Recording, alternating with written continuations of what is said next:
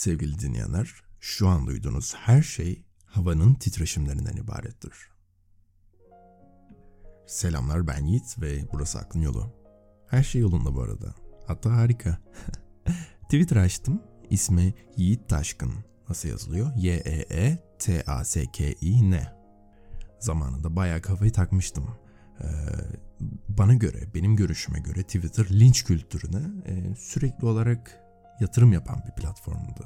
Sürekli hoş olmayan temalar konuşuluyordu. Sadece olumsuz odaklı yazılar yazılıyordu bana göre. Ama şimdi dedim ki e, ben bu şekilde kullanmak zorunda değilim. Ben de açtım. İçerisinde işte artık aklıma gelen küçük şeyleri yazarım belki. Güzel birkaç sanatsal şey paylaşırım diye düşünüyorum şimdilik. Bir tane de küçük fotoğraf koydum. Merak ediyorsunuz ya. Kısa bir süreliğine profil fotoğrafı yaptım. İşte belki takipçi çeker. Şaka yapıyorum bu arada. Bir süredir yeni bir podcast serisi üzerinde çalışıyorum ve yeni podcast aklın yolundan tamamıyla alakasız. Korku hikayeleri anlatacağım. Benim için bayağı heyecanlı bir şey biliyorum. Ee, buraya zaten hak ettiğiniz kadar bölüm yükleyemiyorum ama ne yapayım yani konuşacak bir şeyim olmadığında buraya gelip boş boş konuşmak istemiyorum. Kaliteyi düşürüyor diye düşünüyorum yani. Ama her zamanki gibi burada olmaktan çok mutluyum ve siz beni dinlediğiniz için minnettarım. Bölüme geçelim isterseniz olur mu? Uzun uzun zaman önce bizden öğrencisi hocasına bir Budist şiiri okur. Sel sesleri tek bir lisandan gelir der ve tepelerdeki aslanlar Buda'nın saf gövdesidir der. Öyle değil mi hocam diye devam eder. Hoca da evet öyle diye cevaplar ama bunu söylemek ne kadar da acı. Keşke başka bir zaman başka bir yerde bunu sözlerle anlatmak zorunda kalmasaydık. İşte bu bölümde Zen'den bahsedeceğiz. Ama bu bölüm bittikten sonra mobilci yanısınızı veya artık işte bu podcast'i nereden dinliyorsanız bırakıp ayağa kalktığınızda ana noktayı kaçırmış olacaksınız. Bu sizin suçunuz değil. Benim suçum da değil. Çünkü Zen az önceki Buda şiiri gibi anlatılamaz bir konsepti ve bence bu çok heyecanlı. Zen bir yaşama şekli, varlığımızın bir aşaması ve ona sergilediğimiz bir duruş. Öğrenebileceğimiz bir konsept ile benimsenemez. Onu sadece insan kendisi benimseyebilir. Bu yüzden birazdan bu bölümde konuşacağım her şey aslında insanoğlunun icat ettiği dilin yetersizliğinin bir kanıtı olacak. Kelimelerle düşündüğümüz için aynı zamanda da zihnimizin yetersizliğinin. Fakat ben şimdi günümüz şekliyle Zen'i yanlış olsa da tanımlayacağım. Zen bir doktrin değildir. Zen inandığımız bir şey de değildir. Bir felsefe değildir. Birçok fikrin oluşturduğu bir biliş ürünü de değildir. Başka bir deyişle göldeki bir göl düşünün gerçeklik dediğimiz balıkları yakalamak için kullandığımız balık ağı değildir. Çünkü gerçeklik bir balık değildir. Gölün ta kendisidir. Her zaman balık ağından kayıp gider ve buna benzer olarak evren de bir göl gibidir, sıvıdır, değişir, akar. Eğer kuru topraklarda yaşamaya alışmışsanız suda ayakta durmaya çalışırsınız ve sonuçta da boğulursunuz. Suda hayatta kalmanın tek yolu yüzmeyi öğrenmektir.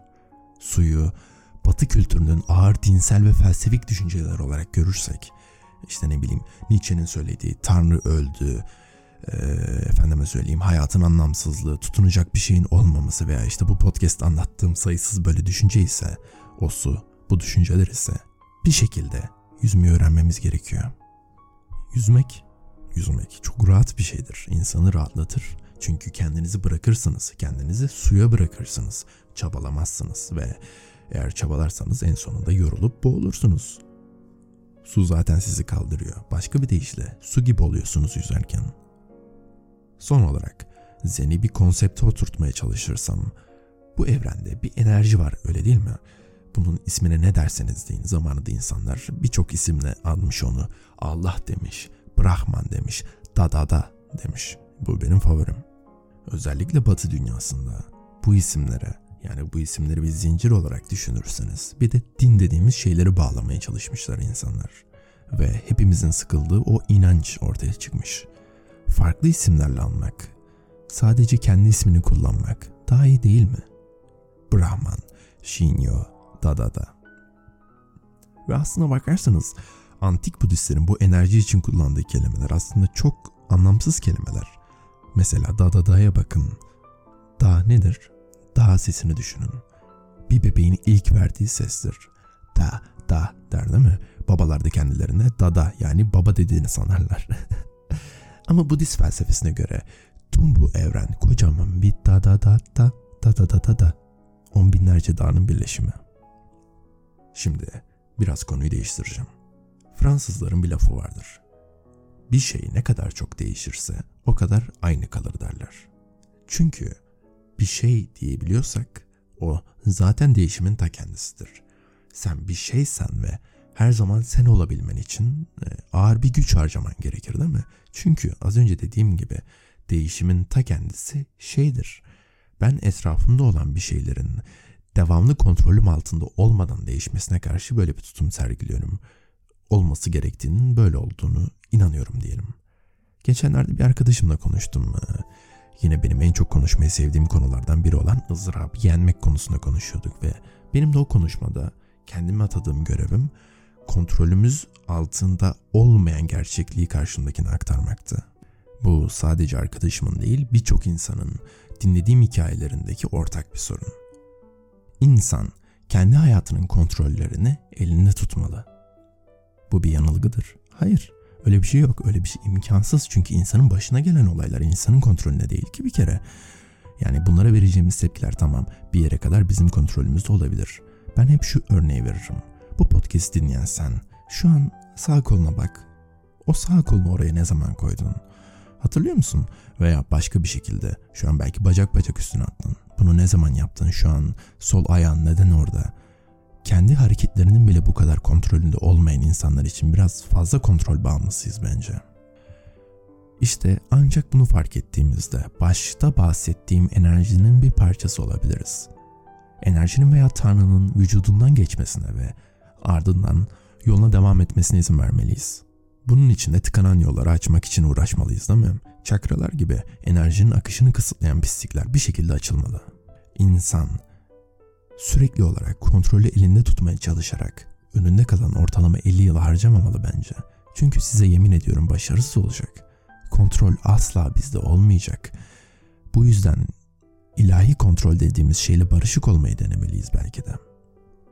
Varlığımızın en temel değişetinden kurtulmanın tek yolu benim bildiğim kadarıyla budur. Her zaman kahraman olmamız gerekmez. Her zaman endişe etmememiz gerekmez. Her yüksek sese tepki vermemiz gerekmez. En en en dipte insandan başka bir şey olmadığımızı anlamamız gerekir sadece. Eğer insanın tam olarak ne olduğunu bilmiyorsanız bu konuyla başlamanızı öneririm. Bizler ilahi canlılar değiliz. Bizler özel hiç değiliz. Biz sadece beyni kendi kendine yalanlar söylemeye, yalan gerçeklikler oluşturmakta ustalaşmış birer hayvanız ve diğer tüm hayvanlar gibi zaman içerisinde salınıp gitmekteyiz. Ve bu bahsettiğim zamanı da en yanlış anlayan canlılar bu dünyada biz insanlarız. Dediğim gibi zamanı kullanmak için onu bir alet hatta ölçülebilir bir değer haline getirdik. Bunu yapan başka bir canlı var mıdır? Bütün evrenden bahsediyorum. Gerçekten çok merak ediyorum. Bizim bu saçma zaman algımız yüzünden hayatlarımız heba oluyor. Bunun farkında mısınız? Bir saat de çok kısa geliyor, 10 yıl da çok kısa geliyor. Şu ana kadar yaptığımız, yaşadığımız tüm zamanlar az önce gerçekleşmiş gibi. Ve emin olun hayatımızın sonuna geldiğimizde aynı şey yine geçerli olacak. Biz birer e, tırtıl değiliz. Bir tırtıl aslında kendi beyninde ve algısında sonsuza kadar yaşar. Çünkü bir tırtıl hayat döngüsü içerisinde sonsuz olarak sayılabilecek anlar içerisinde teker teker yaşar. An dediğimiz şey ölçülemez değil mi? Tıpkı üç boyutlu evrene koyduğumuz birer nokta gibi. Bir doğrunun içerisinde sayısız tane nokta vardır değil mi? Sonsuz tanedir. Aynı zamanda evrende de sonsuz tane nokta vardır. Şimdi bir canlının, bir e, bir hayvanın yaşam döngüsünü bir sayı doğrusuna benzetirsek ki bu oldukça yanlış bir düşünce.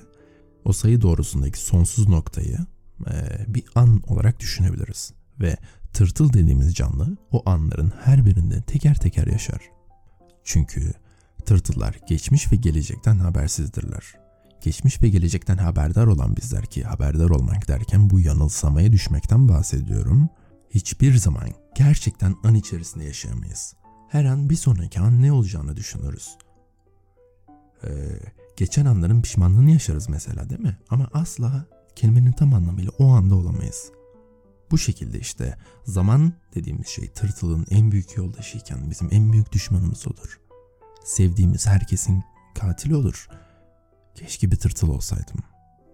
Demek istediğim insan denilen varlık acizdir. Bir tırtıl veya hatta denizin dibinde yaşayan bir süngerden bile daha zavallıdır bence. Bir sincap diğer bir sincabı yavrusunun gözü önünde sokak ortasına dövmüyor. E, fıtı fıtı koşar değil mi? Yemek alır falan. Ağaca çıkar. Bir su aygırı iş bulamadığı için öylesine ızdırap çekmez. Sudan kafayı çıkarır böyle. Güneşlenir. Kulaklarını oynatır. Ne bileyim yüzer. çamurda yuvarlanır. Çamurda oynar. Uykusu geldiğinde uyur. Çünkü ertesi güne yetiştirmesi gereken bir iş yoktur. Yani ertesi gün ne olacağı çünkü adamın umrunda değildir bence. Çünkü muhtemelen yine e, çamurda yuvarlanacaktır değil mi? evet e, bu kadardı. Kedi kardeş masaya çıkma. Orada dur tamam mı? Bilgisayara çıkma. Evet demek istediklerim bu kadardı. Hayır yapma yapma gelme. Dikkatli ol. Bilgisayara çıkma. Evet söylemek istediklerim bu kadardı. Daha fazla bölüm çekmek istiyorum dediğim gibi ama e, ben iki ay önce bir işe girdim artık.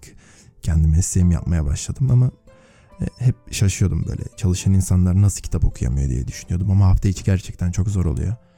E, işte akşam eve geliyorsunuz yorgun argın. Tamam kitap okumak için zaman oluyor ama kitap okumaya başladığınızda hemen uykunuz geliyor.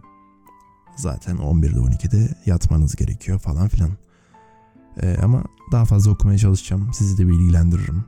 Ee, okuduğum yeni satın alacağım kitapları da Instagram'dan şimdi Twitter açtım oradan da paylaşırım. Okey o zaman. Görüşmek üzere. Kendinize çok iyi bakın. Ne diyordum? Ha, bir sonraki podcast'te görüşmek üzere. Bye bye.